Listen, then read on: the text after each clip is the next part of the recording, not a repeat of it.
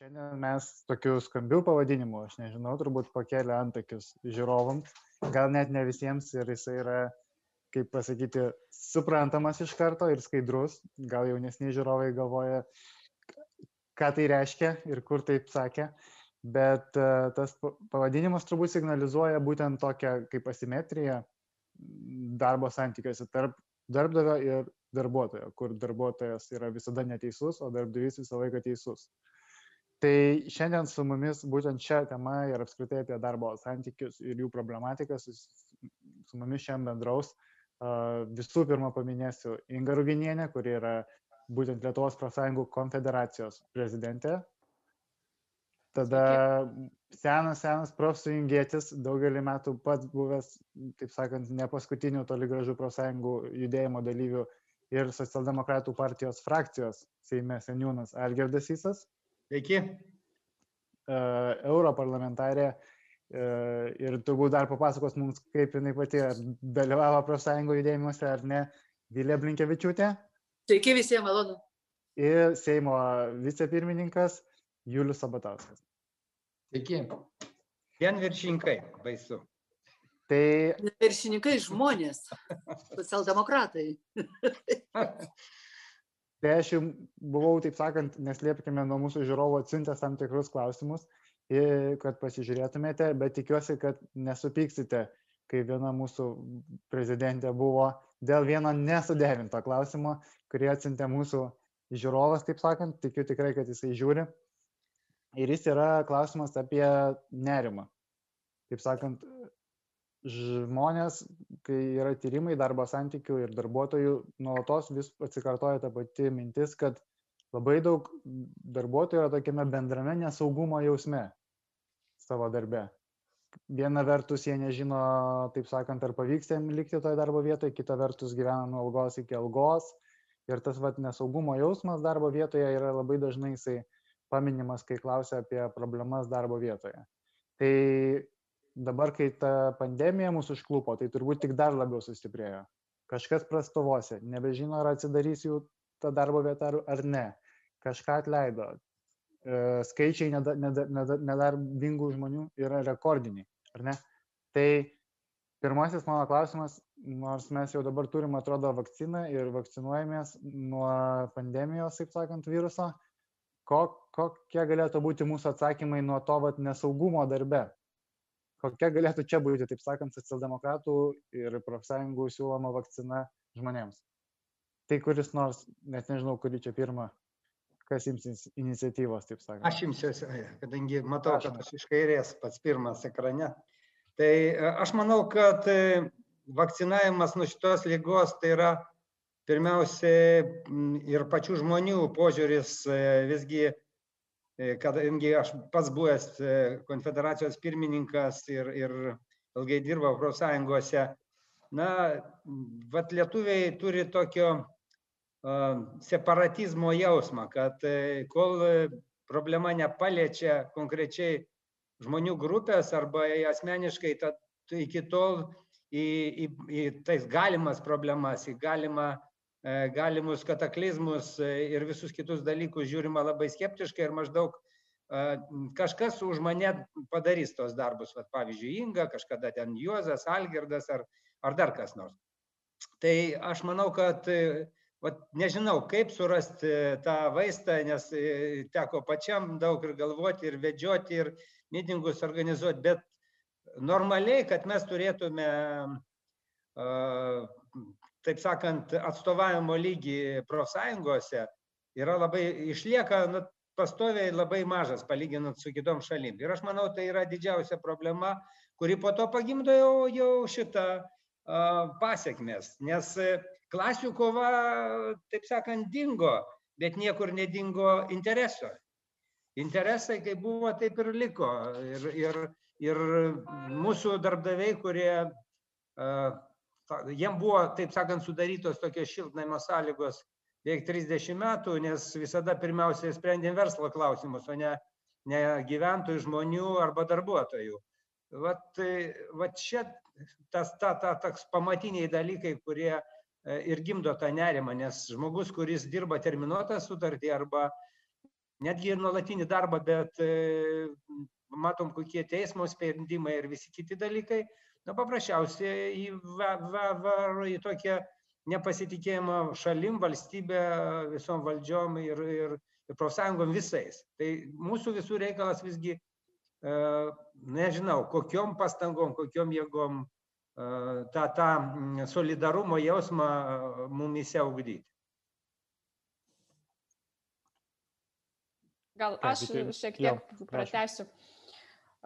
Suprantat, labai daug girdžiu netgi tokių prisiminimų, kad pasakoja tiesiog žmonės, kad pavyzdžiui prieš 30 metų na buvo visi ramesni visi su džiaugsmu į darbą na neturėjom turbūt tokių istorijų kad kažkas tai kažkam grės atleidimas arba neturės darbo arba galbūt bijos išeiti pensiją ir juo nebus pasirūpinta ir panašiai ir štai praėjo trisdešim metų ir mes matome visiškai kitą vaizdą. Ir turbūt tas na rei nereikia galvoti kad atsitiktinai visi šitie veiksmai ateina ir tas vaizdas virsta realybe tai paseka yra na tikrai didelio na tokio propagandinio darbo. Užtat kad na mūsų darbdaviai, verslo atstovai na, tikrai nesnaudžia. Ir pagrindinis tikslas visi labai gerai suprato, kad vienybė tai yra, reiškia, na, mūsų kaip darbuotojų, oponentų pusės yra silpnybė. Ir ką reikia padaryti, kad būtų lengviau tvarkyti su darbuotojais. Tai labai paprastas receptas, reikia juos įskaidyti po vieną ir tas darbas vyksta nuolatos ir dabar su kiekvienais metais jis intensyvėja. Matyt kiekvienas girdėjote kad tokių kalbų begalybė straipsnių diskusijų vyksta kaip nuostabu dirbti pagal individualią veiklą. Kiekvienas turime būti verslininkais. Mes turime eilę programų verslumui skatinti. Kažkokia nesąmonė yra atgyvena dirbti pagal darbo sutartį na žmonės at atraskite savyje verslumo dirbkite patys sau. Kažkokia nesąmonė skaičiuoti darbo valandas. Dirbkite daugiau ir uždirbsite daugiau. Turėsite daugiau pinigų. Pažiūrėkite va kažkoks milijonierius jis va dirbo dvidešim valandų per parą ir žiūrėkite jis jau turi pirmą milijoną. Ir visos tos kalbos nesiburkite jokias bendruomenes nes bendruomenė tai jus nublokš atgal o mes einam visi į progresą. Kiekvienas gali tartis asmeniškai su darbdaviu. Kam jum reikalingi tarpininkai? Kam jum reikia konsultuotis? Juk jūs turite savo galvą. Ir ta propaganda jinai intensyvėja intensyvėja ir aš iš tikrųjų pati matau kaip na mūsų jaunimas tiki kad reikia gyventi šia diena visiškai nereikia galvoti dieve kada ta bus pensija kam kam man čia dar galvot kas bus po dvidešim metų? Šiandien gavau pinigus nesvarbu kaip. Legaliai nelegaliai grynais negrynais tai nėra svarbu bet aš juos gavau. Ir tokiu būdu visuomenė yra skaldoma ir žmonės iš tikrųjų lieka vieni.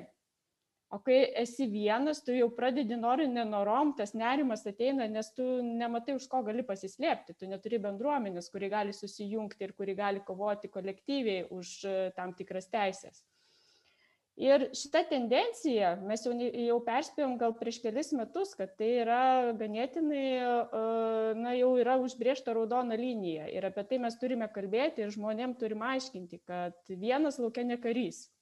Ir tai matyt ir yra pagrindinis receptas kaip iš tikrųjų ką reikia padaryti kad pagaliau žmonės jaustųsi saugūs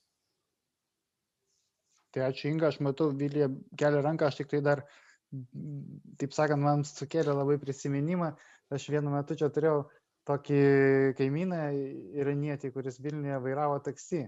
Ir jam irgi sakė visi, kuo daugiau tu važinėsi, tuo daugiau uždirbsi. Tai žmogus dirbdavo po 36 valandas iš eilės ir paskui, kai jis atėjo mėnesio gale ir atnešė tą savo, nu, ten skaičiavimo kažkokį tai tabloną, sako, aš va tiek pravažinėjau, tai jam pasakė, e, nejokauk, niekas tau už tiek nemokės, tu tiek net negalėjai.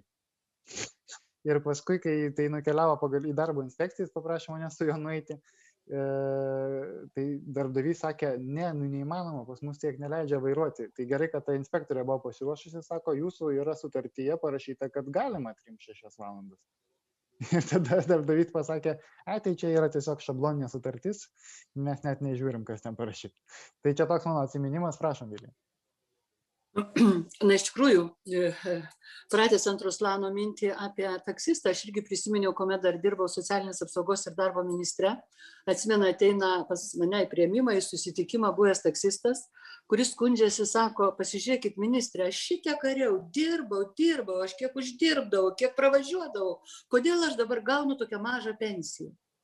Palaukit, sakau, bet ar nėra taip, kad jūs dirbo, dirbot, tačiau visas draudimo sumas draudėtis tik tai minimaliai algai? Nu taip sako, aš ką durnas, visi tik tai tiek drausdavusi. Tai ir aš lygiai taip pat neįsišokdamas. O va, sakau, o kai atėjo senatvė, jeigu tu visą gyvenimą dirbai gaudamas minimalią algą, nu neišeina didesnės pensijos, didesnės pensijos gauti. Sakau, ko netėjot anksčiau pasitarti ir pasikonsultuoti 10-15 metų atgal, būčiau davus gerą patarimą. Tai taip, kad visokių tų atvejų iš tikrųjų išgyvenimo yra, kada, kada žmonės na, e, yra užsidarę, nebendrauja, nesitarė, nepasitikė gal kažkuo, tada žinoma darbdavys kaip visą laiką stipresnis, gudresnis atrodo ir taip toliau, tą darbuotoją tampo į visas puses ir vedžioja jį už nosies ir tiesiog jį išnaudoja.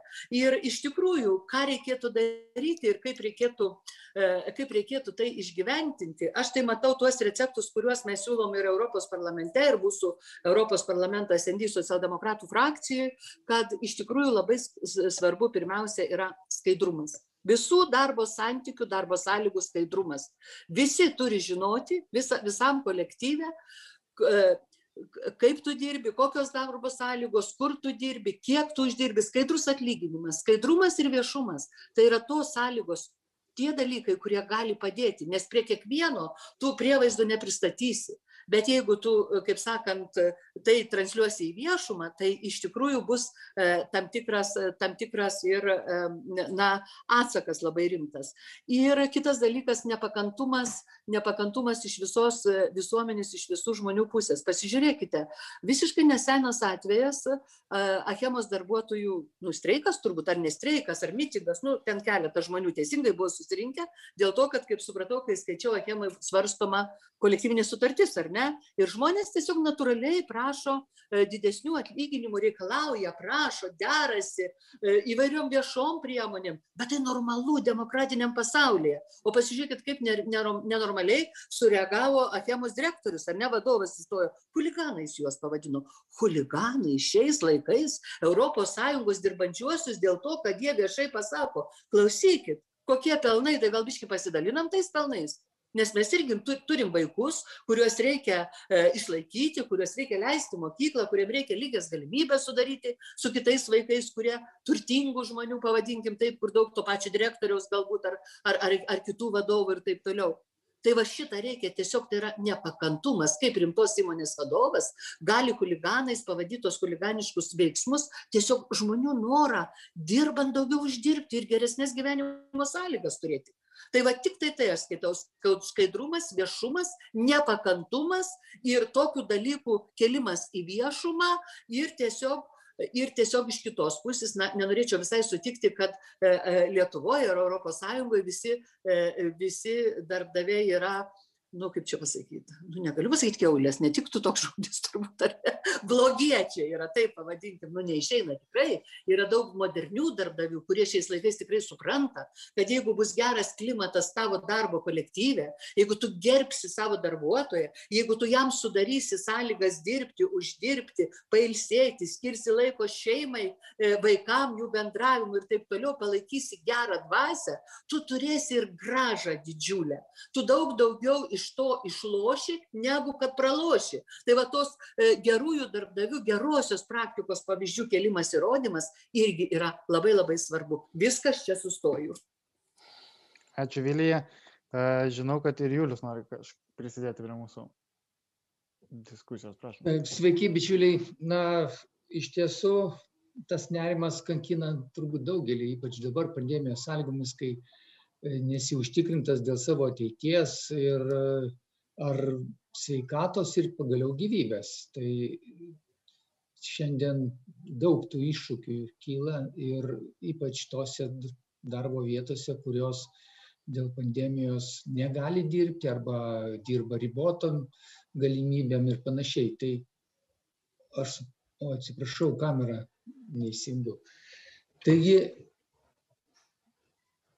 ką tik buvo paminėta, kaip, kaip čia tos iššūkius lengviau pernešti ir tą nerimą su, ne tiek suvaldyti, kiek nukreipti visą tą energiją tą kryptim, kad tas žmogus jaustųsi saugus. Ir tai aš pateiksiu labai paprastą pavyzdį.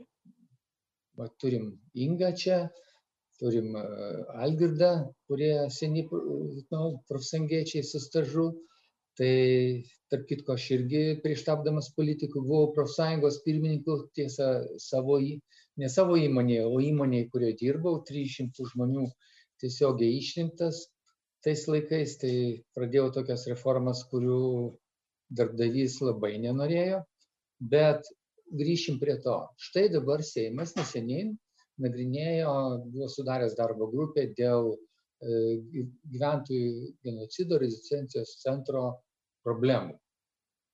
Ir kas atsitiko prieš benagrinėjant, kai naujasis vadovas ten pradėjo įdomias pertvarkas, susikūrė pradžioj viena profsąjunga, kuri atstovavo vieno departamento darbuotojus, dabar prieš paskiriant naująjį direktorių susikūrė dar viena profsąjunga, kuri jau atstovauja dar kito departamento darbuotojus.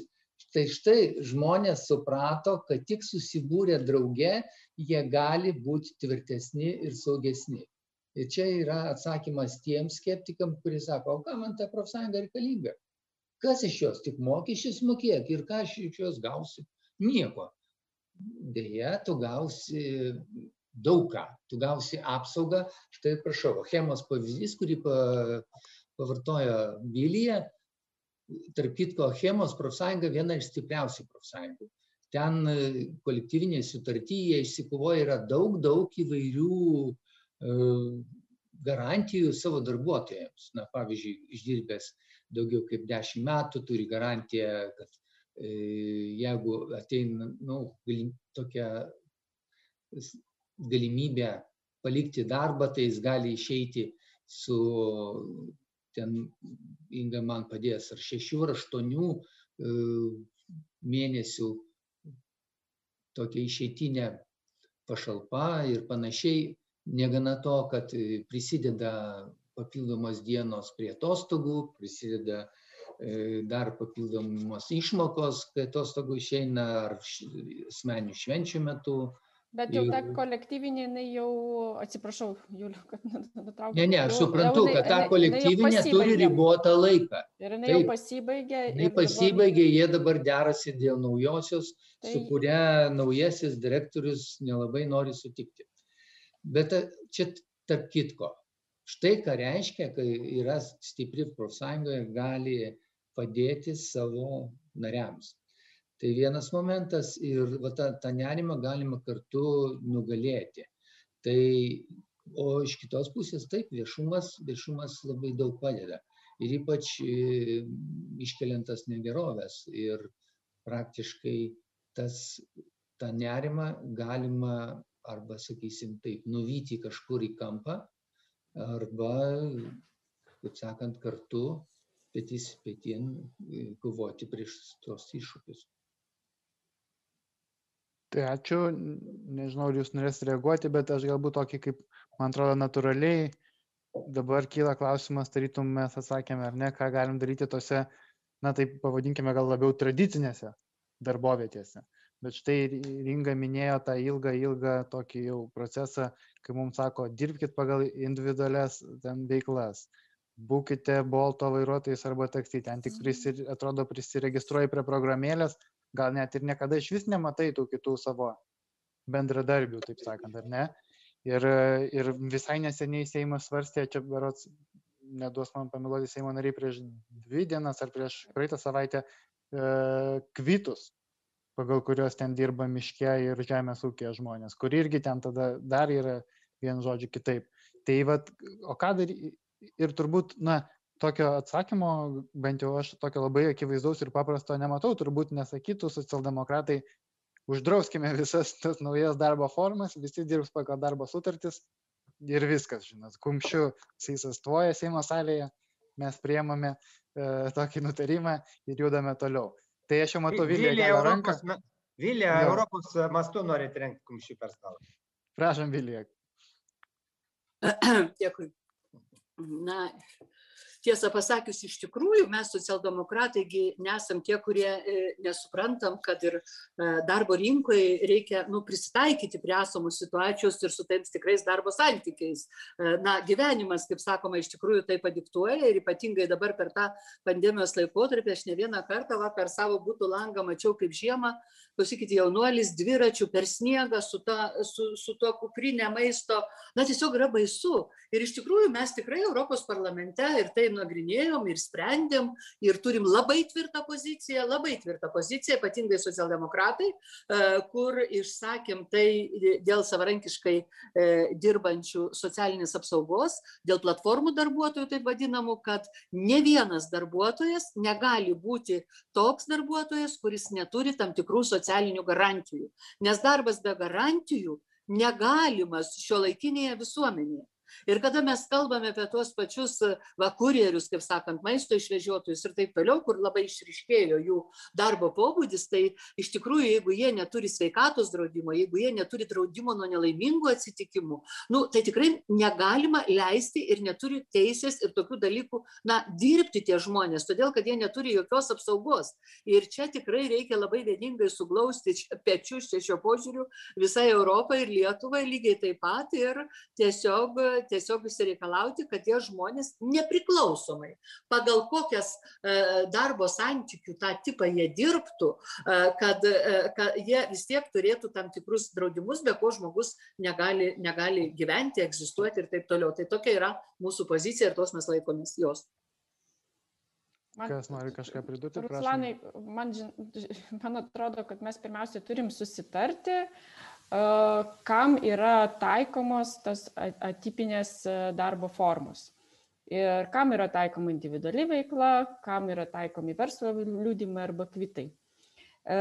Dabar jau mes taip išsigymėm, kad praktiškai nėra netgi skirstomos profesijos, kam yra taikoma kas ir pagrindinė yra problema kad mes aiškiai turime pasakyti netgi sakyčiau europos e, mastu tvirtu balsu kad yra tam tikros darbo vietos kurios yra pripažįstamos kaip su darbo santykiais susijusios darbo vietos.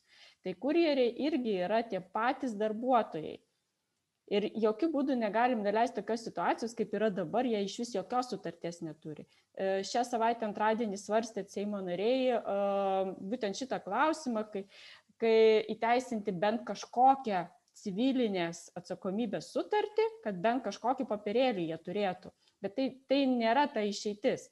Išeitis e, yra ta kad pagaliau pasakyti ir pripažinti kad tai yra darbuotojai.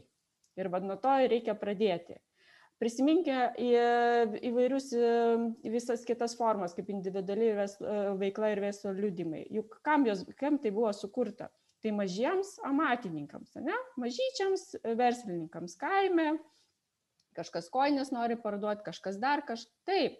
Tada tuomet šita darbo forma yra visai tinkama. Bet kas dabar atsitiko? Dabar ateini į įmonę kuri normaliai yra veikianti gamybos įmonė dalis darbuotojų yra perkelti iš normalių darbo santykių į individualią veiklą. Tai yra nenormalu. Ateini, jau nekalbu tokius sektorius kaip statybos, ten iš vis turbūt, e, kažie, ar rasti darbuotoją su darbo sutartim. Tai be abejo, darbdaviui tai yra patogu reikia tą suprasti, nes darbdavys už nieką neatsako. Jis visą atsakomybę perkelia ant to paties darbuotojo pečių, kuris irgi gauna ne ką ten didesnį atlyginimą, negu geru, geriausiu atveju vidutinį darbo užmokestį šalies mastu, bet greičiausiai minimalų atlyginimą plus keli jau eurai. Tai čia viena šalis Lietuva šitą klausimą neįspręs. Čia mes turime, aš čia su Vilija sutikčiau, mes turim labai aktyviai ir stipriai veikti Europos mastu. Algirdas, matau, atsimūtino, tai turbūt tikrai jau nori. Taip. Tai ne- nereikia tikėtis stebuklų, nes, kaip sakiau, interesas išliko, klasių kovos nėra, bet darbdaviai vis tiek siekia didesnio pelno. Ir jeigu mes pažiūrėsim, kaip judėjo darbo santykiai, tai prisiminkit, pirmiausia atsirado samdomi darbuotojai darbo kodekse ir, ir daugelį veikiančių didelių įmonių pusę, trečdalį, dešimtadalį, penktadalį pakeitė samdomi darbuotojai. Dabar atsirado ta nauja išnaudojimo e, forma, būtent e, platformininkai arba sav- savarankiškai dirbantis. Bet aš nematau jokio skirtumo. Jeigu vairuotojas kažką išvežioja ir dirba pagal darbo sutartį, nu, naudodamas automobilį, tai žmogus naudodamas dviratį ar motorolerį, lygiai taip pat dirba tą patį darbą. Ir prisidengdami, kad duodama galimybę ten studentam, kitiem darbuotojam prisidurti prie atlyginimo, dalis žmonių vat būtent išstumti į tą rinką, kur jie neturi garantijų ir tos pajamos yra nepastovios ir neaiškos. Dar viena grupė žmonių, tai buvo paminėti kvitininkai, kurie, kadangi, taip sakant, prie manęs buvo priimtas tas įstatymas, tai buvo dvi verslo rūšis, kurios norėjo kvitais padengti. Obolių skinimą ir akmenų rinkimą. Šiandien yra 198 e, darbai, 998 Veiklos. darbai. Veiklos, taip. Žemės ūkiai, miškininkystėje, kur visi žmonės, kurie dirbo, dirbo prie gyvulių, prie, ten, sakym, lauko darbus, jie tapo dabar kvitininkai, nes e, kiekvieną operaciją suskirstyta ištraukti, įdėti, išmėžti, išvežti, padėti. Tai, bet tuo keliu einant, pelnas gaunamas didesnis, to, kas siekia. Ir todėl paprasčiausiai reikia visokiais būdais priešintis šitam individualizacijai darbo, nes visumoje tai dirbamas vis tiek tas pats darbas ir už jį reikia ne tik normaliai atlyginti, bet ir turėti garantijas. Na, skandalai su ta- tolimų reisų vairuotojais, na, netylantis e, filmai ir viskas. Taigi vaišiai parodo. Džiaugiuosi, beveik 15 metų apie tai kalbu, e, priimtas krūvas rezoliucijos Seime pagaliau, taip sakant, iš veteranų perėmė jaunesnė karta ir gal tikiuosi, kad pajudės, e, nes tikrai rimtai susirūpinta, kad e, tai, ką darė e, su lietuviais kažkada užsienį imigravusiais, tai e, šita visos tos blogybės persikėlė į mūsų darbo rinką ir e, ten baltarusai, ukrainiečiai, uzbekai ar tadžikai, kurie nie žodžio nesupranta lietuviškai, pasirašinėja sutartis, pagal kurias, taip sakant, paleidžia juos, jeigu reikia vėjais, jeigu jie bus per daug žingeidus ir reiklus. Tai, tai va, va tokia situacija, kuri tikrai bent jau doriem žmonėm, profsąjungom, e, socialdemokratam, demokratam, nu neleidžia paprasčiausiai sėdėti, tylėti ir žiūrėti, kas darosi darbo rinkoje. Aš Tai tai šią savaitę, ką sakė Algirdas, ir buvo svarstomas projektas dėl darbo užmokesčio išmokėjimo jau negrinais pinigais, o išmokėjimo pervedant į sąskaitą bankę. Ir e, tie visi kvitininkai, individualininkai ir panašiai, praktiškai jie nieko nesiskiria nuo tų žmonių, kurie dirba pagal darbo sutartį tu gerai dar gali juos rušiuoti, ar jie dirba terminuotą darbą ar neterminuotą, bet realiai jie visi dirba nuolatinį darbą. Nebent kai kurie tie kvytininkai iš tikrųjų dirba, na, galima sakyti, e, sezoninį darbą. Jeigu tai yra žemės ūkis, e, miškininkystės, pavyzdžiui, vieni dirba vasarą, rudenį, pavasarį, kiti dirba atvirkščiai, rudenį, žiemą. Tai šiuo atveju, na, jokio skirtumo ir šiuo atveju žmonės turi būti apginti, nes jeigu jiems pagal jie verčiami, įsivaizduokit, jiems suteikia darbo vietą, E, na, paprasčiausias, e, kaip ir individuali veikla, lik ir normalu, kad tai dirba, e, pavyzdžiui, kirp, grožio specialistai, kirpėjai, visažistai ir panašiai. Jie, jie turi darbo vietą, turi darbo, na, ne tik stalą, kėdę, bet ir kai, kurios, kai kurie įranga, tiesa, dažniausiai jie turi pasirūpinti įrankiais patys, bet visa kita toliau iš jų reikalaujama kad jie dirbtų išsiimtų patys ar individualios veiklos pažymėjimą arba verslo liudijimą ir atneštų pinigus tam darbdaviui, kuris jam suteikė darbo vietą. Praktiškai, jeigu tu jam suteiki darbo vietą, tai ko čia skiriasi nuo darbo sutarties? Praktiškai požymių skirtingų nėra, viskas tas pats iš kitos pusės tas pats yra su, su tais pačiais e, kritininkais. Tai gerai, tai jeigu tai yra sezoninis darbas, tai darai terminuotą sutartį.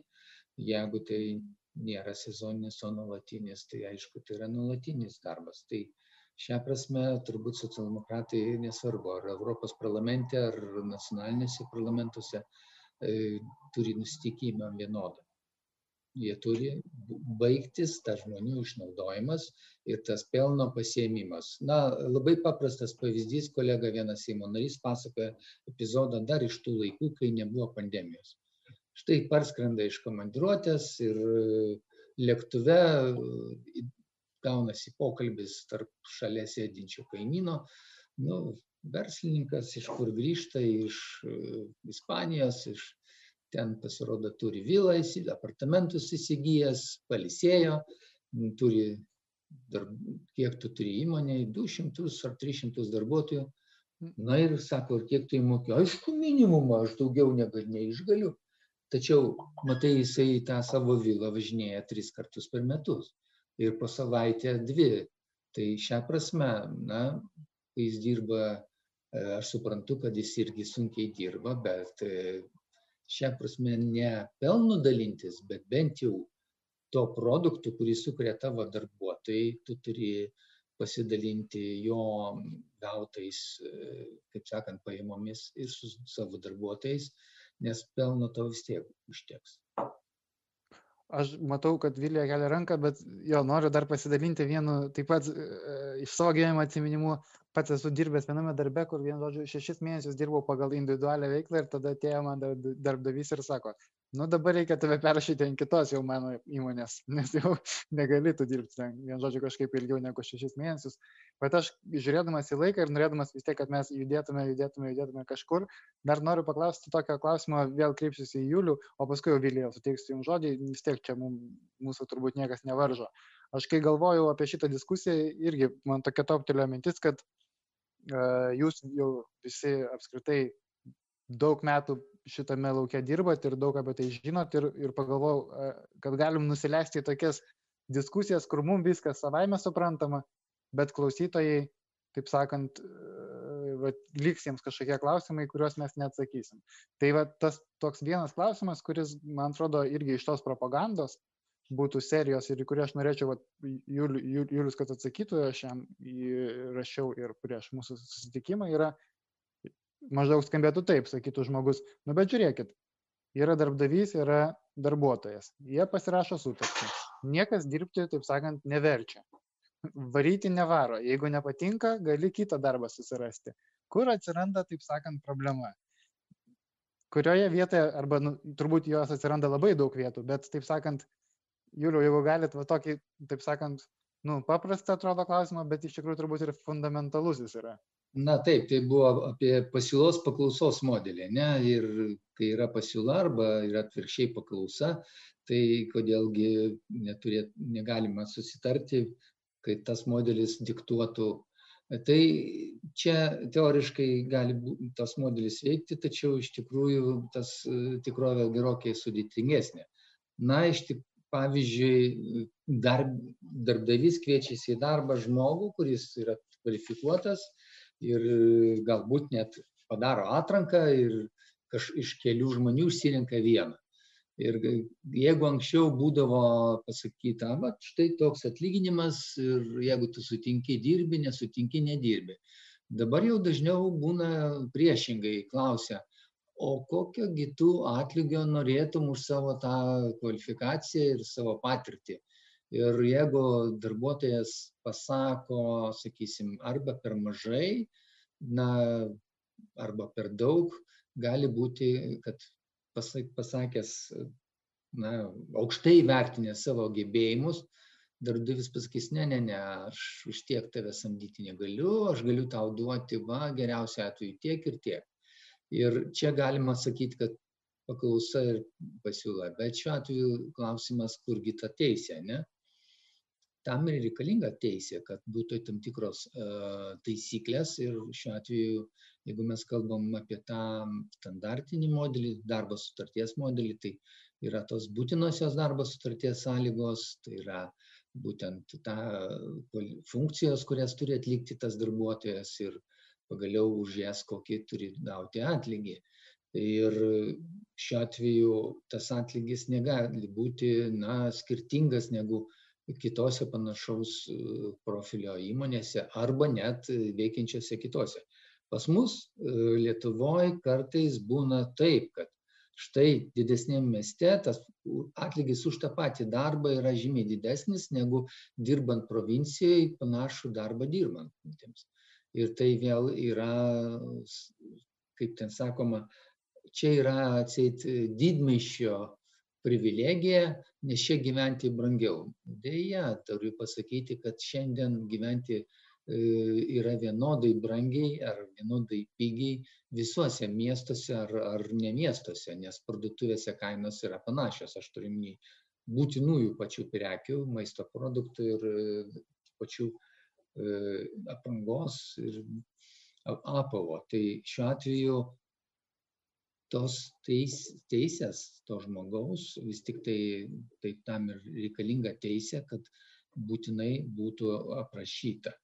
Bet e, dėja kartais būna tokia, kad dėl įvairių subjektyvių galbūt faktorių, dėl žmogaus tam tikro na, socialinės e, būklės, na, vieniša mama, vienišas tėtis e, ir panašiai, galbūt kažkokie tai fiziniai defektai, turim, atsiprašau, trūkumai, neįgalumas ir taip toliau, verčia kartais tos žmonės e, tiesiog paklusti, paklusti ir dirbti už tą menką atlygį vien tam, kad išgyventi, vien tam, kad ir čia šiuo atveju vėl reikėtų pasižiūrėti, kad na, tas asmo nebūtų diskriminuojamas lygiai su kitom, kitais. Ir Ir čia vėl nori, nenori, aš atsisuku į na, tas pačias profsąjungas, nes kartais sustinkant su žmonėmis klausi, turite savo įmoniai? Neturime. O kodėl? Kodėl neturite, jie susižvalgo ir, ir tyli dažniausiai. Tai čia šio požiūriu iš tikrųjų reikėtų pasakyti, va tas taisyklės arba tie tose tuos įstatymus, kurie yra darbo kodeksas ir, ir kiti panašus, turi būti jų paisoma. Tai ačiū Juliau, Vilija. Julius visiškai teisus, kai e, jis pasakė, iš tikrųjų, matyt, tų priekaištų didelių kažkokių, na, mūsų darbo įstatymam kaip ir nebūtų. Čia šiuo požiūriu, ar ne, įforminam pagal darbo įstatymus, visus, visa kita yra, matyt, kita medalio pusė. E, ir aš čia nekartą buvau susidūrus ir kai su žmonėm bendravau, dar dirbdavau ir ministrė, bet aš manau, kad situacija absoliučiai nepasikeitė tikriausiai per tą laiką. Tai yra tai, kai tas darbuotojas na paprašo darbdavio galbūt didesnio atlyginimo lankstesnio darbo grafiko ir panašiai tai įvertinus esančią dabar situaciją ir kiek darbo biržoje suregistravę yra žmonių tada tas darbdavys atsako nepatinka už durų šimtas laukia į tavo vietą. Ir tiesiog nebėra kitos išeities kur tenka tam žmogui na E, sutikti su tuo, ką tas darbdavys pasiūlo, nenorėdamas dalintis savo pelnais. Kitą pavyzdį tai galiu parodyti, čia buvo užsiminęs, man atrodo, Algis, ar ne, apie mobilumo paketą, apie tolimųjų reisų vairuotojų šiek tiek. Be, man mūsų Lietuvos tolimųjų reisų vairuotojai tai akivaizdus vergovės pavyzdys. Akivaizdus vergovės pavyzdys šiandieniniame pasaulyje. Na, yra, patikėkit, nenormalu, kad e, sveiki vyrai, darbingi vyrai ir moteris, turiu pasakyti, dėl sutinka dirbti tolimųjų reisų vairuotojais už minimalę algą. Nu, plus prie minimalios algos tegul prideda 10, 30 ar, ar, ar 50 eurų. Ir pasižiūrėkit, kada, na, e, Lietuvos, jau Lietuvos piliečiai nesutinka dirbti tokiom vergoviniam sąlygom, tokios sunkaus darbo ir pavojingo, tada mes samdom tos žmonės, samdo darbdaviai ar ne vežėjai mūsų iš trečiųjų šalių. Ir tie trečiųjų šalių darbuotojai dempinguoja visą mūsų socialinę sistemą, darbo santykiuose ir taip toliau, ir sutinka tiesiog dirbti už minimalią algą, o visa kita, aš pati visai neseniai mačiau reportažus, ar ne, nieks nepasikeitė, e, e, tiesiog, kur, kur, kur sako, mums labai gerai, Moldavui ar, ar, ar ukrainiečių, oi, tą minimalią algą gaunu man liuks, visko užtenka, o dienpinigiai kažkiek kiek mokami ir vėl toliau be jokių socialinių garantijų. Tai būt negali tai būt neturi. Ir kada tu žiūri į vežėjų pelnus tada supranti kad tiesiog tas E, savininkas visiškai nenori savo pelnu pasidalinti su darbuotojais, kada kalbame apie jų darbo sąlygas ir apie, apie, apie jų darbo apmokėjimą. Ir iš tikrųjų, e, kiek aistrų buvo sudeginta svarstant Europos parlamente mobilumo paketą, tai aš, kadangi jau e, dirbu ne pirmą kadenciją Europos parlamente, tai žinau du teisėkuros projektus, dėl kurių šitiek lobistai veržėsi per langus ir duris.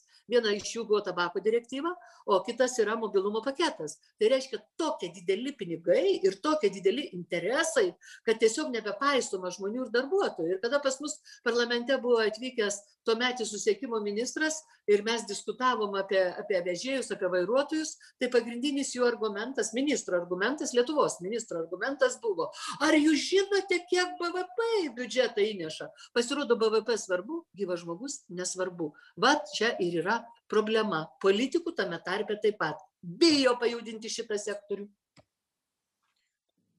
Tai ačiū Vilija, aš dabar, taip sakant, perskaitysiu Jums vieną komentarą, kurį mes gavome iš Facebook'o, jis toksai labiau komentaro pobūdžio negu kad uh, klausimo, bet vis tiek jį garsinsiu ir gal Jūs turėsite savo minčių. Matau, Algirdas kelia ranką, taip pat turbūt nori pratesti buvusią temą, bet tas komentaras skamba taip. Sunku dirbti vadovų biudžetinėje įstaigoje nes ten vadovas visiškai priklausomas nuo savivaldybės biudžeto ir tada stovi kaip ugny. Savivaldybė duoda algoms tik 95 procentus, o darbuotojai sako, yra žirklės algoms, kodėl moka tik mažiausią algą, bet tavo rankos yra surištos. Tai va toks komentaras, ar ne čia ir iš viešojo sektoriaus. Galėsite sureaguoti, prašom, Argirdai. Ai, at, atsimutinės, galvoju, kad tai čia toks kryžiaus nešimas na kiekvienas mes pasirenkam. Aš suprantu kad e, žmogus nori išsaugoti ir viršininką ir būt geras žmonėm bet taip neišeis. Arba tu turi visgi eiti ir ir kovoti už tuos savo pavaldinius kad jų darbo užmokestis e, nebūtų aštuonis ar dešimt metų įšaldytas kaip viešajam sektoriui atsitiko lietuvoj ir tada paprasčiausia na bus rezultatas nes e, paprasčiausia aš suprantu kad savivalda nesvarbu bet kuris darbdavys suranda tarpininką kuriuo naudojasi. E, ir čia tada mūsų visų visuomenės požiūris. Kodėl prancūzam sustreikavus vienam sustreikuoja visi? O pas mus čia gali spardyt mušti kažką ir visi žiūri ir maždaug manęs nepalietė tai ir gerai. Bet aš noriu grįžt prie juliaus e, to užduoto klausimo. Aš trumpą repliką tiktai pasakysiu kadangi daug teko derėtis su pirmaisiais premjerais tada derėdavomės tiesiai su vagnorium su abišala su lubiu sėdėdavom prie stalo ir ten skaičiukus dėliodavom. Tai tada sakiau kad jeigu už darbą nebus normaliai mokama tai paprasčiausia turėsim didelę problemą su darbo jėga. Vat praėjo trisdešim metų ir aš matau kad tie žodžiai kuriuos aš sakiau prieš trisdešim prieš dvidešim penkis metus labai puikiai taip sakant į gyvenimą įsi įsipjovė ignoravo ir balanso va to darbo jėgos paklausos ir pasiūlos ir mo normalaus mokėjimo už darbo jėgą nebuvimas. Aštuoni šimtai tūkstančių mūsų lietuvos piliečių yra emigravę. Mes turim na jau dabar biškį pa pajudėjom iš iš apačios ir tai tiktai po tos menamos mokesčių reformos kad mūsų darbo užmokesčiai pakilo iš gėdingos paskutinių vietų europos sąjungoj tiek minimalus, tiek vidurinis e, šiek tiek aukščiau. Bet e, situacija visada buvo tokia. Nesvarbu, ar gerai laikai, ekonomika auga ar blogi, nelaikas didinti. Jūs paklausykit, kalbos nesikeičia 30 metų dėl minimalaus mėnesinio atlyginimo didinimo. Ar 5, ar 15, ar 50. Bus blogai, bankrutuosim, viskas susidarys, visi verslai išvažiuos. Nieko neįvyko. Per tiek laiko padidėjo ir minimalus dvigubai ir verslai suklėstėja. Pelnai yra tokie dideli, o dalintis nenorima. Na tai va tas gopšumas pražudė, sakiau, pražudė ne vieną imperiją, pražudyti gali ir mus. Jeigu e, politiškai, teisiškai mes nesimsim va, to, ką nutarėm daryti dėl vairuotojų atlyginimo, kad išmokėti per, ne per grinaisiais, e, o per bankus, Jeigu nepas, negryšim prie mokesčių sistemos, kad turtingi turi sumokėti į bendrą katilą daugiau, nuvarysim šalį visiškai ne į tą pusę, kur reikia. Papildant Algirdą, tai galiu pasakyti, kad iš tikrųjų viešajam sektoriai po to, kai buvo sumažintas bazinis e, dydis, nuo kurio mokamas atlyginimas visam viešajam sektoriui tiek valstybės tarnybai, tiek dirbantiems pagal darbo sutartį, tai tas bazinis dydis nekaži ką padidėjo per tos 12 metų.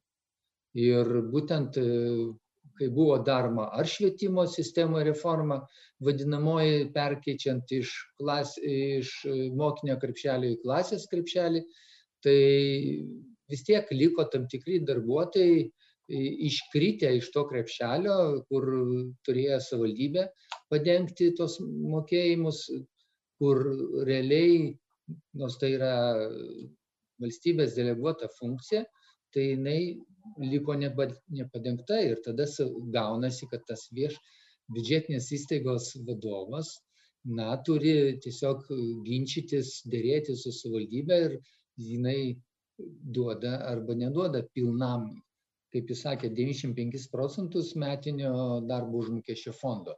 Tai, tai čia jokio skirtumo, ar tai mokykla, ar netgi teismas. Realiai būdavo tokia situacija, kad teismuose 12 mėnesiui nebuvo užtikrintas finansavimas. Tai čia praktiškai visų vyriausybių bėda, kas bebūtų valdžioje dėja. Ruslanai, jeigu galima, aš irgi, va, kas būna, kai pakvieti į pokalbį keturis žmonės, kurie labai mėgsta pakalbėti. Praktiškai tau visiškai darbo nėra. Tai labai gerai. tai aš noriu žinot pasakyti, mėly politikai, rankose iš tikrųjų paanalizuokime sprendimus kurie politikoje buvo padaryti. Tai tikrai e, na reikėtų labai gerai analizuoti ir ir ir ir labai detaliai įžvelgti tuos sprendimus kurie buvo tiesiogiai nukreipti į tą paprastą žmogų. Na dažniausiai sutikite kad e, čia jau nesvarbu kokia partija čia net nenoriu net ir skirstyti. Dažniausiai kaip būna kad e, verslas stipriau paspiria koja duris artėja rinkimai ir žiūrėk, jau tie sprendimai jau palinksta visai į kitą pusę, jau pradedama jau ir suprasti, kaip tam verslininkui yra sunku, o darbuotojas tai iš, išgyvens viską, ne, kaip ir ištvers viską. Ir dabar vat, pasižiūrėkit, kokia vyksta tendencija. Kalbame apie tai, kad žmonės darbo netenka, bet darbuotojai dabar na, visą gerklę reikia, kad neranda darbuotojų, kad jų yra didžiulis trūkumas. Ir e, aš jums pasakysiu, kad ne darbuotojų yra trūkumas. Tiesiog nėra normalių sąlygų, su kuriuom nori darbuotojas tiesiog sutikti. Ir kitas dalykas, tas rėkimas, kad darbuotojų yra trūkumas, e, yra su labai aiškiu tikslu, tam, kad atsivežti kitus darbuotojus. Ir pasižiūrėkite paskutinės žinias, Eglė sanatorija druskininkuose didžiausias nedarbas turbūt per jeigu imant per regionus nes sanatorijos užsidaro sunkus metas. Tačiau eglės sanatorija sako kad jinai neįdarbins vietinių nes jinai jau pasižiūrėjusi į tailandą iš ten atsivežti žmonių dar kelias šalis jau nagrinėja iš ten irgi atsivežti specialistų į tuos pačius druskininkus. Kodėl? Klausimas. Ar pas mus nėra specialistų lietuvoje Aš manau, kad čia atsakymas bus vienareikšmis. Tikrai, tikrai atrastume net lietuviškų, kurie tą irlandietišką puikiai masažą padarytų. Bet viskas sueina į tas pačias darbo sąlygas ir darbo užmokestį. Ir kai mes keliam diskusijas, sakydami, kad, na, pagaliau gal pradėkime grįžtesnės sąlygas nustatyti piliečiam iš trečiųjų šalių, gal pagaliau pradėkime tikrai uh, ne, ne tai, kad riboti srautą, bet e, darbdavys gal realiai turėtų įrodyti, kad tikrai vienos ar kitos specialybės nėra Lietuvoje ir jis na, neturi kitos išeities kaip įvežti, nes tokių turbūt gal ir bus atveju. Bet kažkaip tai tos diskusijos kažkur tai pasimeta, kažkur tai, kažkur tai po to išnyksta ir turim, ką turim. Ir vėl toliau darbdaviai verkia, vėl atlyginimai dideli, dabar vėl diskusijos atlyginimai augimas buvo vienas iš sparčiausių. Paskutiniais metais labai labai augo atlyginimai. Žinutė siunčiama aiškiai, prieš, e, atspėkit, koks dabar periodas, prieš minimalios algos dėrybas, ne? Bet e, paklauskit paprasto žmogaus, ar jam labai sparčiai išaugo atlyginimas, aš beveik įsitikinus, kiekvienas pasakys, kad tikrai ne. Tai aš manau, kad sprendimai politikoje tiek Seime, tiek vyriausybėje, na, pagaliau turėtų būti daromi per paprasto žmogaus prizmę. Ir e, visi turėtume suprasti, kad galutinis naudos gavėjas tai yra tas žmogus, kuris, na, būkim bėdini, bet teisingi ir suneša didžiausią e, dalį mokesčių į mūsų biudžetą. Ačiū Inga. Tai aš dar turbūt du klausimus dar turiu ir paskui jau baigsime, bet jie irgi turbūt dar bus tokie, kur visi norėsit kažką pasakyti. Bet man atrodo, kad ir abu jie taip tam tikrą prasme na, susiję irgi su to, ką pandemija parodė. E, man atrodo, vienas iš tokių labiausiai pribloškinčių dalykų, ką parodė pandemija, yra tai, kad turbūt visą laiką 30 metų mums sakė e, verslo struktūros, kad jeigu tik pakelsime vienu eurų ten, vienu eurų pakelsim mokesčius, viskas sužlugs, viskas susidarys, persikels į kitas šalis ir taip toliau. Dabargi turime situaciją, kai gal jau metus kai kurie dalykai stovi uždaryti. Ta prasme, nedirba ir nevykdo veiklos. Ir ekonomika praktiškai, na, Lietuvos, kaip sako, ES mastu beveik visai nenukentėjo. Ir, ir, ir tas, na, jeigu, jeigu tikėtume tuo, ką sakė prieš tai verslas, tai turėtume būti dabar visiškai griuvėsiuose ir tik pelinai rūkti po to, kai metus tiek daug apribojimų gavo verslas plėtotis. Bet e, klausimas turbūt ir yra tai, ką jūs visi sakot ir, taip sakant, aš čia noriu tiesiog iš jūsų ištraukti tą tokį e, politinį, užsiengažuotą pasakymą. E, turbūt per pandemiją buvo dar vienas dalykas, kurį daug kas pamatė ir daug kas dalinosi internetuose, kai ypač turtingi žmonės iš savo jachtų, taip sakant, karantinuodamas į jachtose rašė, mes visi esame viename laive, taip sakant, mes visi turime veikti pandemiją, mes visi esame ta pati komanda. Tai ir šiandien skambėjo ne įvairios mintis apie tai, ar tikrai, taip sakant, kai kalbam apie verslą, ne, ne apie verslą, apie darbdavius ir darbininkus, ar tikrai visada mes esame vienoje, taip sakant, valtyje ir vienoje komandoje. Ir aš turbūt norėčiau paklausti ir konkrečiai Ingos ir paskui kiti pasidalins mintimis, kaip mums tą balansą, nu, turbūt ir, kaip sakė Algirdas Įsas, ir klasių kovos jau neskelbsim, bet kaip išlaikyti tą balansą. Bet turbūt Ingos norėčiau paklausti, kokios konkrečiai, taip sakant, dėl ko konkrečiai dažniausiai būna konfliktai. Turbūt ne vien tik algos būna, taip sakant, nu, įsidėrėti algų kažkokį tai lygį, bet ir dėl kažkokių kitokių dalykų. Tai dėl kokių konkrečiai dar dalykų būna, taip sakant, profsąjungos, dėl ko jos kovoja šiandien. Čia, žinai, paminėjai laivą, tai man ta karikatūra prieš akis iš, išnyro, kai darbuotojas yra, žinai, su irklais, o verslininkai ant to galo laivo sėdi šampaną geria. Tai kaip ir visi viena, toj pačiai valtėje, ne, sėdi, bet labai skirtingose padėtise. Tai uh, galiu pasakyti, kad, uh, na, tų nesutarimų yra įvairių, bet uh, prieš tai labai svarbu iš tikrųjų, ką, kokį akcentą uždėti, kad bet kuriuo, bet kuriuo atveju, jeigu mes įmam tokią kaip ir na, mažą kertelę visuomenės kaip įmonę, tokią, jeigu ją pavadinsim kaip ir tam, tam tikrą darbo bendruomenę, tai ta bendruomenė turėtų dirbti komandoje Ir komandoje na, e, vis yra tokie, tokie stiprus partnerystės ryšiai. kuomet e, tu pasitiki vienu, vienas kitu, kai sunku ištiesi viens kitam ranką, kai yra gerai, pasidžiaugi, pasidalini džiaugsmu ir e, pasidalini tais pačiais gėriais, kurios sukuria tavo komanda.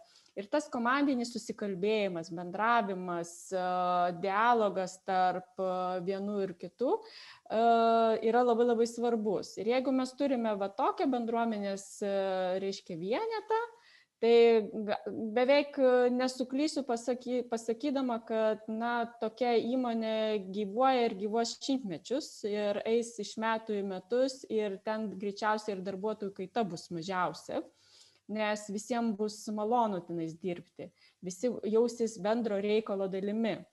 Kada vyksta nesutarimai? Nesutarimai vyksta tuo met, kai a, pačioj toj vat, bendruomeniai pradedama, žmonės pradedami skirstyti tam tikrus lygius.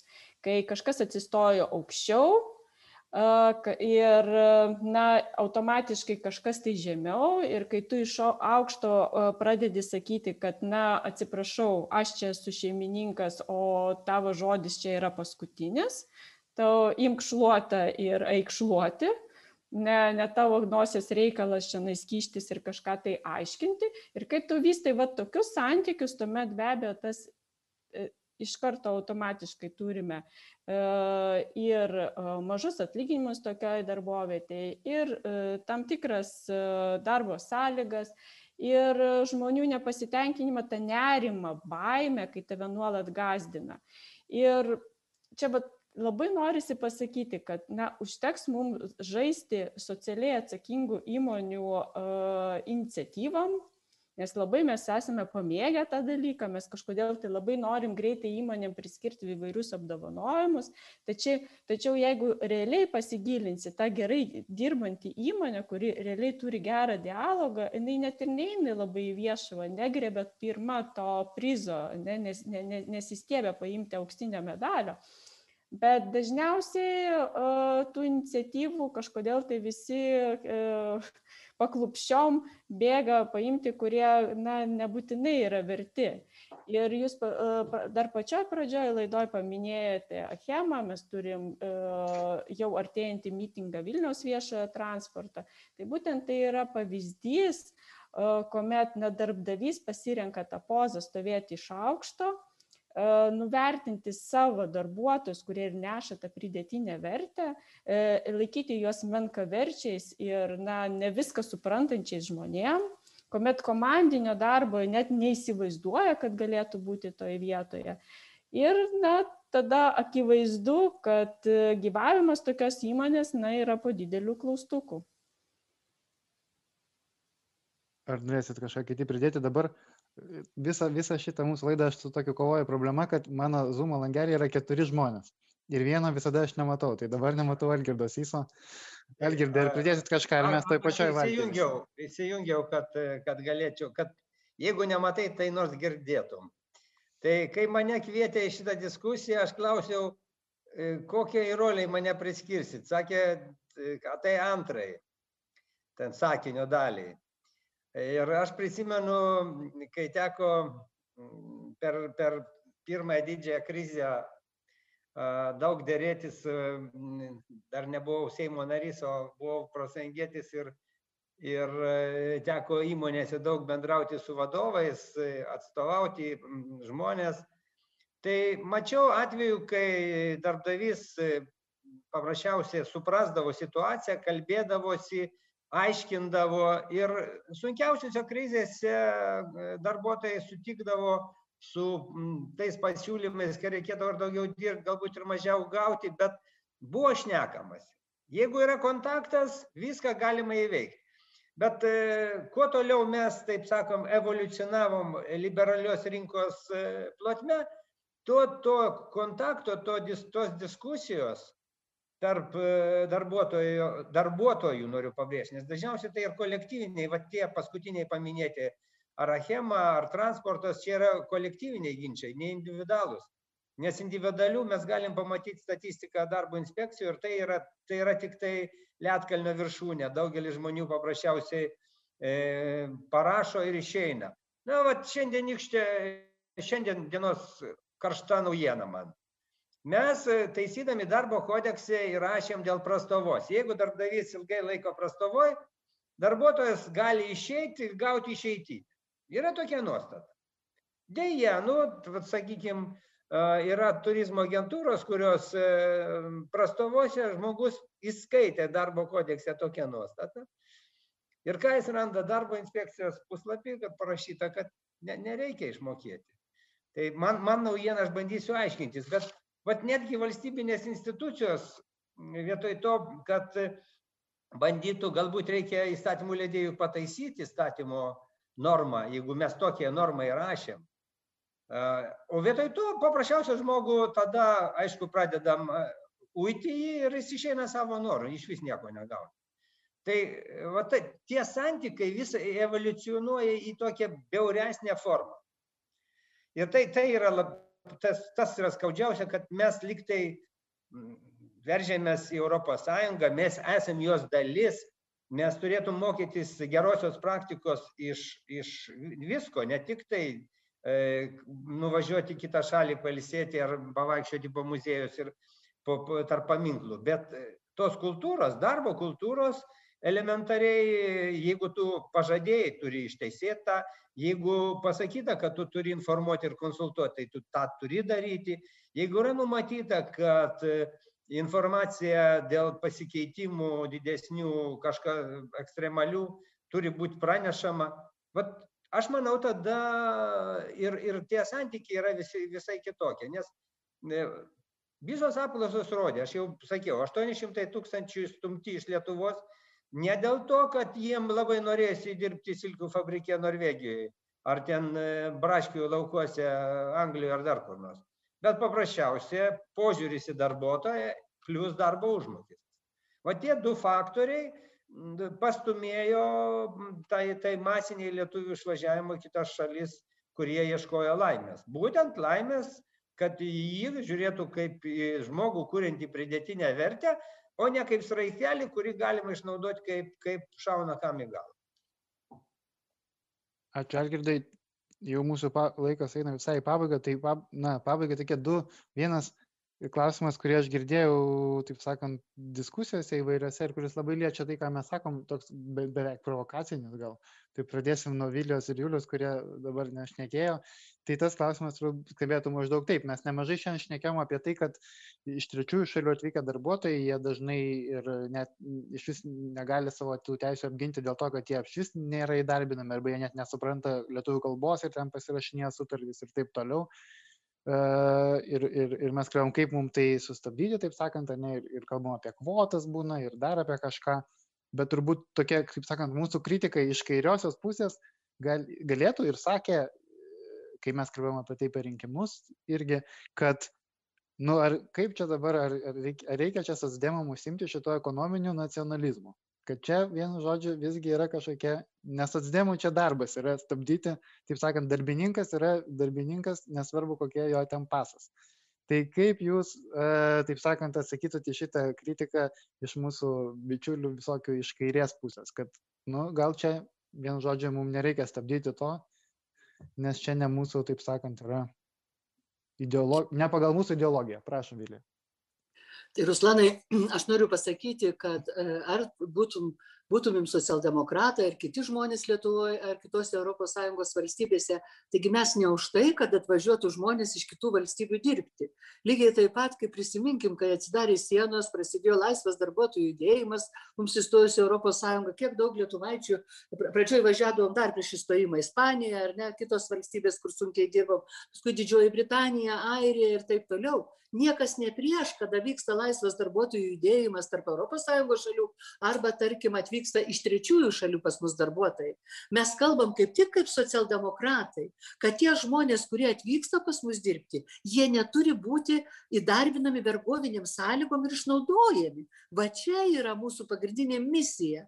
Mūsų pagrindinė misija, kad mes su darbdaviais kalbėdamiesi, reikalaudami, keldami į viešumą tas problemas parodytume kad iš tikrųjų nu nesąžininga negarbinga nudempinguoti atlyginimus visus darbdaviui. Sakyt kad neturiu aš iš ko mokėti o tuo tarpu pelnus kai pasižiūri tai žinai nebetelpa jie niekur taip toliau. Tai mes kalbam apie tai kad atvykęs iš tos trečiosios šalies tas darbuotojas turi turėti lygiai tokią pačią sąlygą kaip čia lietuvoj e, dirbęs augęs ir gyvenęs. Arba atvykęs kur nors į belgiją ar italiją ispaniją lygiai taip pat pagal tų šalių e, įstatymus ir sąlygas turi dirbti. Čia mūsų yra pagrindinis reikalavimas. Bet kada įsigilini ir tu pamatai kodėl tai vyksta tai tas darbdavys specialiai pradeda dejuoti kad jis niekaip negali didesnio atlyginimo tolimųjų reisų vairuotojui mokėti kaip penki šimtai eurų. Klausykite ir tokiu būdu na jis pasirodo gali tiktai e, tiktai moldavas dirbti tą darbą. Nu sutikim kad čia yra apgaulė nesąžiningumas ir būtent su tuo mes turim kovoti su tuo ir profsąjungos kovoja ir kiekvienas normalus geros valios žmogus pamatęs kokiom sąlygom pavyzdžiui gyvena tie trečiųjų šalių piliečiai kaip man pasakojo tuose pačiuose šiauliuose butas pasamdytas e, tų čiužinių ant žemės primėtyta alaus skarbongės mėtosi ir tai jų gyvenimas.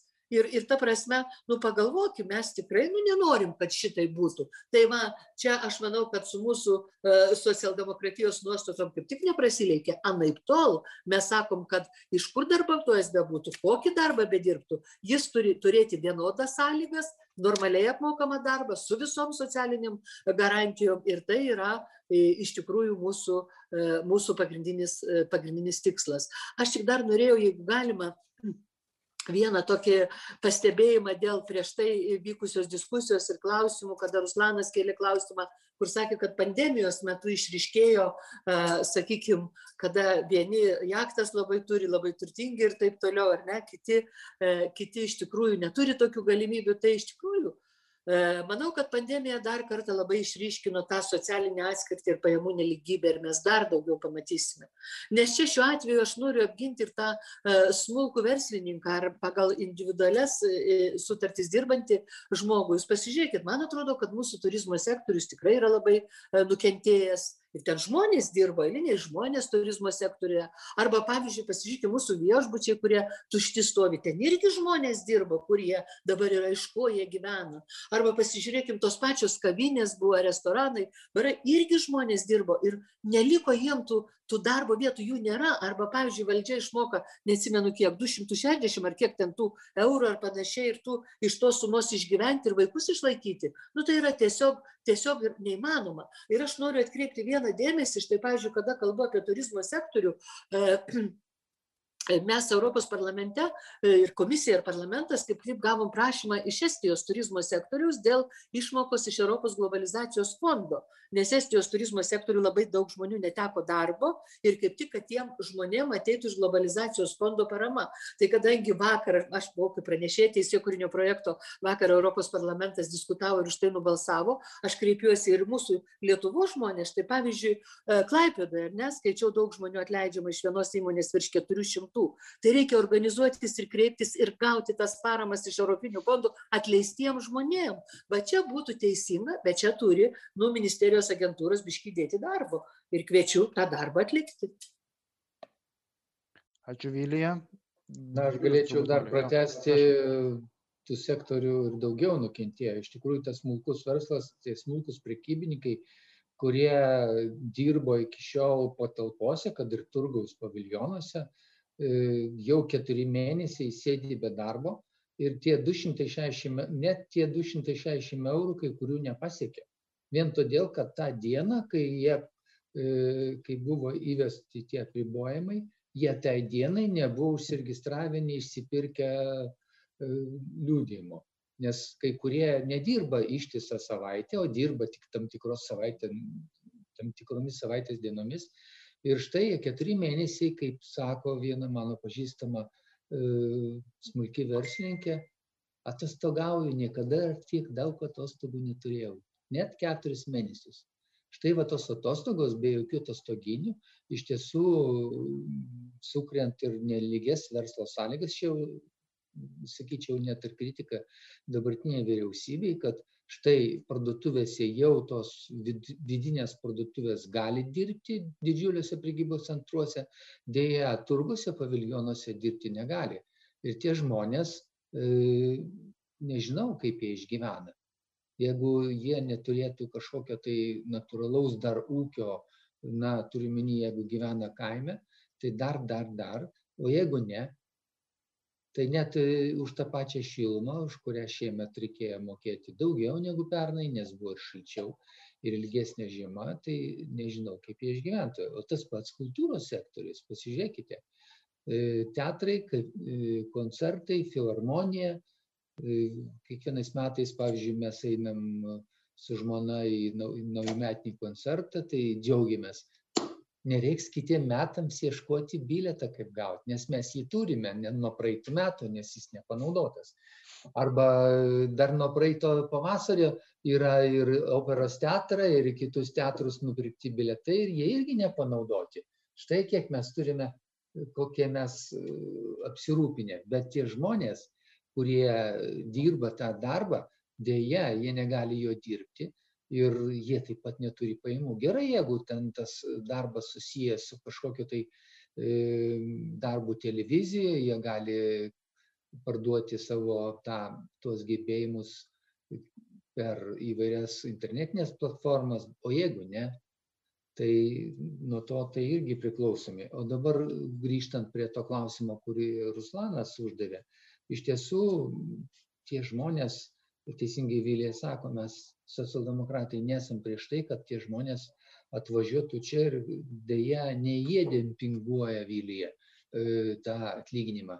Jie priversti nes jie atvažiuoja iš tokių valstybių kur jų e, vidutinės pajamos nesiekia daug jiems mini mūsų minimalus atlyginimas atrodo kaip nemažas atlyginimas deja jie todėl daugiau ir negauna ir jie priversti dirbti tokį darbą nes e, kitokios geresnės išeities neturi.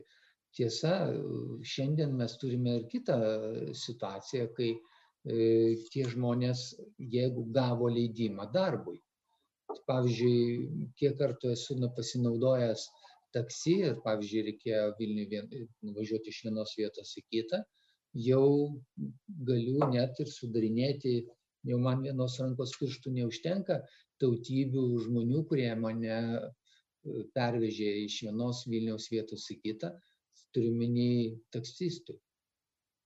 Ir uzbekas vežė, ir ukrainietis, ir baltarusis, ir... Paklausė, kiek uždirba. Ar paklausė, kiek uždirba ir kokį draudimą turi? Draudimą, draudimą jie turi tokį, kad atsiprašau. Tai vad šią prasme aš jai paklausiau kokiom sąlygom dirba ar čia jų nuosavas automobilis ne automobilį jiem davė už tą automobilį jiem reikia susimokėti ir praktiškai jiem nuo to trijų eurų kurios e, už tą pervežimą gauna lieka geriausiu atveju dvidešimt centų. Tai šiuo atveju šitie žmonės iš tikrųjų yra išnaudojami ir tai tikrai nepuošia mūsų verslo na o turint omeny dar vieną aspektą štai pandemija atveria tokį galimybę dirbti nuotoliniu būdu. Nu kaip gražu kaip gerai mes visi galim dirbti iš namų. Paklausėt nors vienos įmonės darbdavio kiek savo darbuotojų jie suteikia darbo priemones nes pagal darbo sutartį jie tą turi privalo padaryti nes tu suteikti darbo vietą ir darbo priemonės. Tas pats kompiuteris dažniausiai būna asmeninis to žmogaus. Aš jau nekalbu buvo kalba gi atsimenat kilo iniciatyva kitose valstybėse kad būtų kaž kažkokia priemonė nor priemoka atsiprašau nuo šimto eurų už tą darbą kurį jie dirba namuose. Deja e, priemokų nėra dirbama asmeninėm priemonėm naudojama namų namų savo elektros energija ir panašiai. Tai štai tas išnaudojimas yra ne tik trečiųjų šalių piliečių bet ir mūsų taip pat. Ir čia mes turim taip pat dar daug daug vietų kur pasitempti socialdemokratai rodyti iniciatyvą. Tai ačiū labai, Juliu. Tai dabar jau, taip sakant, užbaigiant, duosiu kiekvienam iš jūsų, uh, taip sakant, dar progą viską apibendrinti, bet mane čia, čia gal mums su Inga mažiau galioja, bet mane čia neseniai mokė vienas žmogus, kad sako, e, politiko kalba turi skirtis nuo visų kitų žmonių tuo, kad gale turi būti kažkoks pakvietimas, ką dabar darysim, pakvietimas veiksmai, call to arms, taip sakant. Tai prašau jūsų ir Inga turbūt gal irgi nori pakviesti mus kažkokiam veiksmui. Tai vienu žodžiu, noriu jūs pakviesti, vat, apibendrinti visą mūsų, jūsų mintis ir pakviesti mus kažkokiam veiksmui. O Ingos gal dar net paprašyčiau, dabar man toptelio tik mintis, juk profsąjungos turbūt irgi uh, ruošiasi gegužės pirmai ir kažką planuoja ir gal jinai nori pakviesti mūsų visus ir, taip sakant, visus mūsų žiūrovus prisijungti prie tų akcijų. Tai prašom, nežinau, kas čia, kokia tvarka. Tai aš, aš pirmą gal mm. tada pasakysiu, gera, nes gera toptelė mintis pačiam. Tai iš tikrųjų e, profesinės sąjungos e, na, nepraleis e, gegužės pirmos dienos ir mes kiekvienais metais šitą dieną išnaudojame priminti apie darbuotojų teisės. Ir šiais metais šeštadienį nuo 11 val. prie vyriausybės rūmų kviečiame į gegužės pirmosios pikniką. Ir simboliškai pikniką darysime su baronkom. Ir tikrai turim tokių ir vizualiką dabar kūriam pačiai, pačiai aikštėje ir mūsų kaip ir mintis yra pagrindinė, kad uh, na net ir pandemijos akivaizdoje žmonės dirba iš tikrųjų padidintais krūviais, e, praktiškai nuolatos be išeiginių ir be atostogų. Ir dėja užsidirba tik tai, na, sudžiuvusiai baronkai. Kai kas mus taisė ir sakė, kad net ir baronkai ne, neuždirbo, tik baronkos kyliai. Tai e, su tą mintimi tikrai visus kviečiame ateiti prie vyriausybės rūmų ir kartu na, papiknikauti kartu su mumis ir taip e, pažymėti gegužės pirmąją dieną. Ačiū Inga.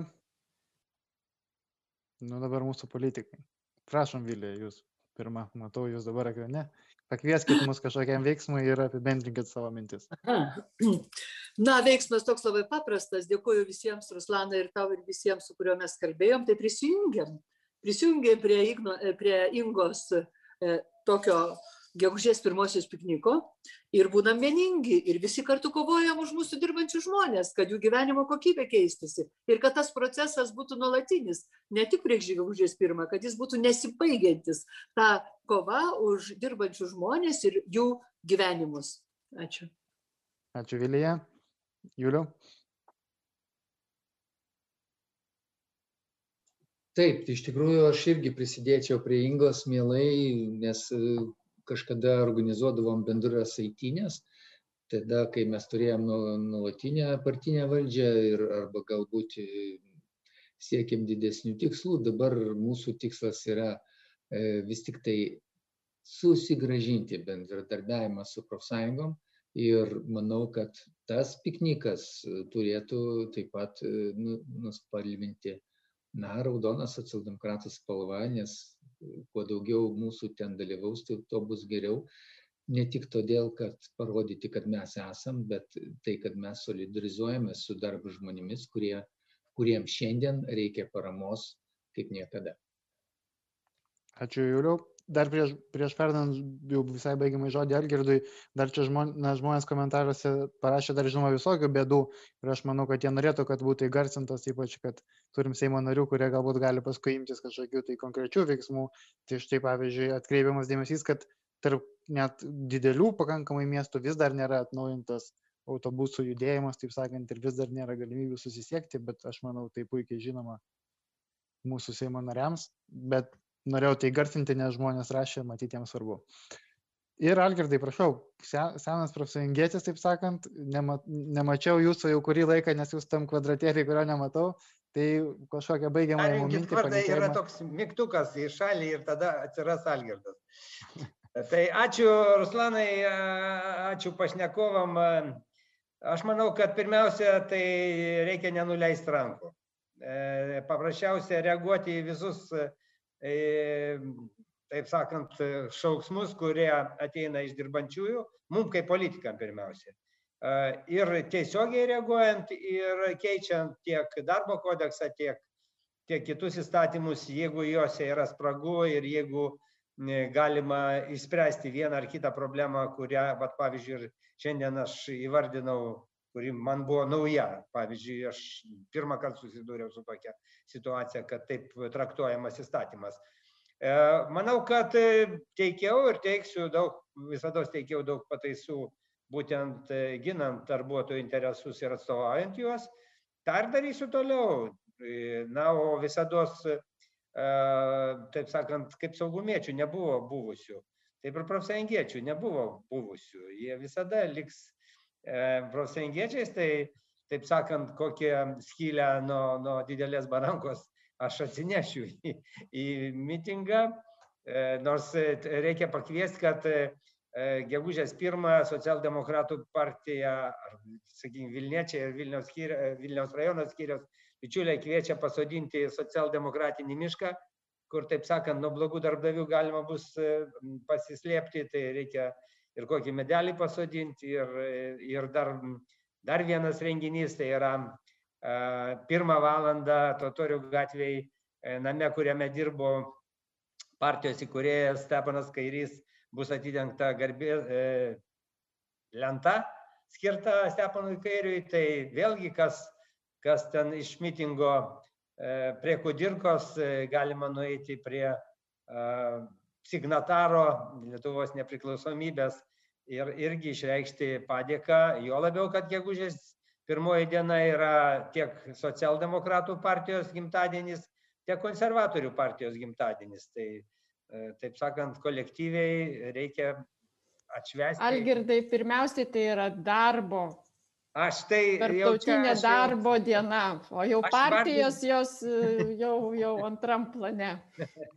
Taip, bet 125 e, metai mūsų partijai tai irgi amžius, taip sakant, solidus. Tai kviečiu e, prisijungti prie visų renginių, kas galės ir kas norės.